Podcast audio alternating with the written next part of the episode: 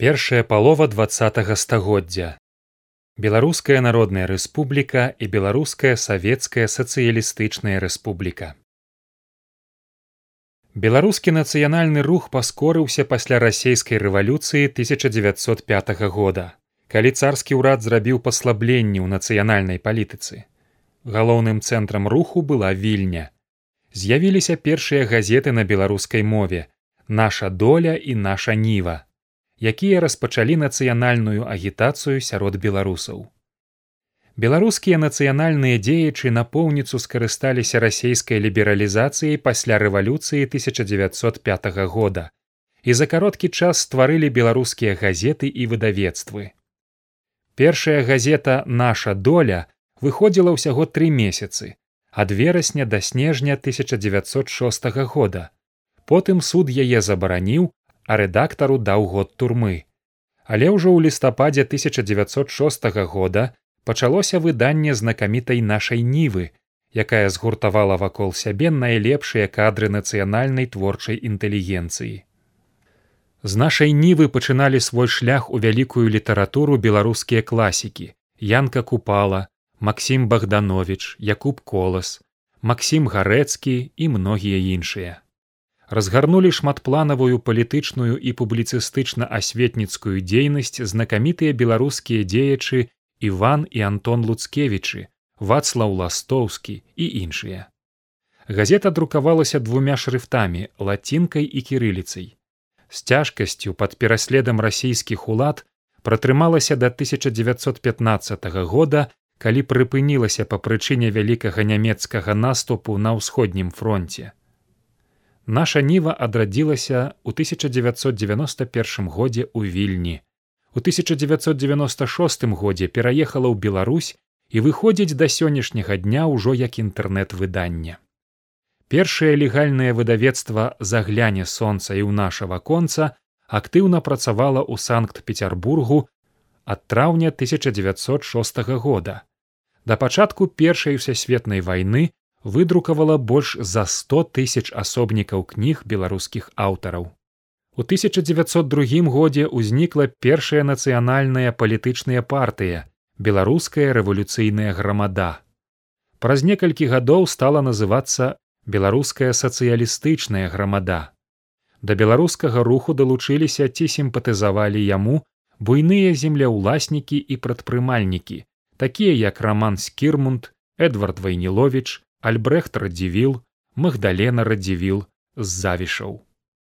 У першае паўтара дзесяцігоддзя двадцатого стагоддзя паступова пашыралася школьніцтва але амаль выключна расейская. Ствараліся земскія школы расейцы адкрылі ў беларусі пяць настаўніцкіх семінарый і тры інстытуты віцебскі магілёўскі і менскі. Невялікія беларускія школкі дзейнічалі нелегальна іх арганізатарамі і настаўнікамі была маладая нацыянальная інтэлігенцыя якая усведамляла сваю місію нацыянальнага абуджэння. Знакамітыя літаратары такія як каруська ганец цётка алаіза пашкевич якуб колас вацлаў ластоўскі і іншыя стваралі навучальную літаратуру для дзяцей узнікалі педагагічныя таварыствы і пісаліся тэарэтычна метадалагічныя працы па педагогіцы. Падчас першай всесветнай вайны пасля заняцця немцамі заходняй часткі беларусі у 1915 годзе лінія фронту затрымалася за 100 кіламетраў на захад ад менска у зоне нямецкай акупацыі упершыню ў найноўшай гісторыі з'явілася масавае беларускае школьніцтва немцы не дапамагалі але не перашкаджалі нацыянальна-асветніцкай працы чым напоўніцу скарысталіся беларускія дзеячы. Паказальныя ў тым плане жыццё і плён алаізы пашкевич літаратурны псеўданім цётка паходзіла з дробна шляхецкай сям'і прысвяціла жыццё беларускай асветніцкай дзейнасці пісала літаратурныя творы стварала перыядычныя выданні і арганізоўвала школьніцтва памерла ад тыфу ў 1916 годзе дапамагаючы хворым у шпіталі.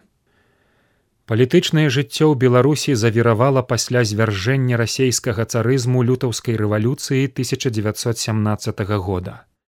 На выбарах ва ўсерасійскі устаноўчы сход у беларускіх губернях, як і агулам па ўсёй былой імперыі, перамагла партыя сацыялістаў рэвалюцыянераў, эсэраў, якая дэкларавала дэмакратычныя рэформы і пабудову сацыялізму найперш у сельскай гаспадарцы.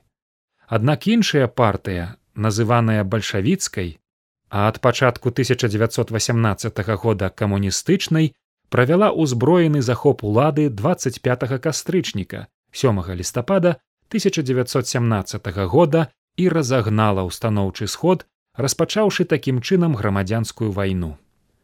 У беларусі бальшавікі, якія мелі моцныя ўплывы сярод салдат блізкага заходняга фронту, таксама захапілі ўладу з дапамогай збройнай сілы. Яны ноччу з 30 на 31 снежня 17-18 снежня па старым стылі 1917 года разагналі ўсе беларускі з'езд, сабраны дзеля самавызначэння Беларусі. Аднак з'езд паспеў абраць раду, якая перайшла ў падполле і давяла справу да абвяшчэння незалежнасці Беларусі. У лютым 1918 года нямецкія войскі працягнулі наступ у Беларусі, амаль не сустракаючы супраціву, бо расейскай арміі ўжо не існавала. Немцы занялі менскую частку віцебскай і магілёўскай губерняў да лініі орша магілёў гомель. Савецкая рассея падпісала 3 сакавіка 1918 года берасцейскі мір, па якім германіі і аўстра-венгрыі аддавалася вялікая частка беларусі на захад ад лініі дзвінск свянцяны ліда пружаны. Прэтэнзіі на гэтыя землі выказвалі таксама польшча і літува. У такіх умовах дзеячы нацыянальнага руху 25 сакавіка 1918 года абвясцілі стварэнне незалежнай нацыянальнай дзяржавы беларускай народнай рэспублікі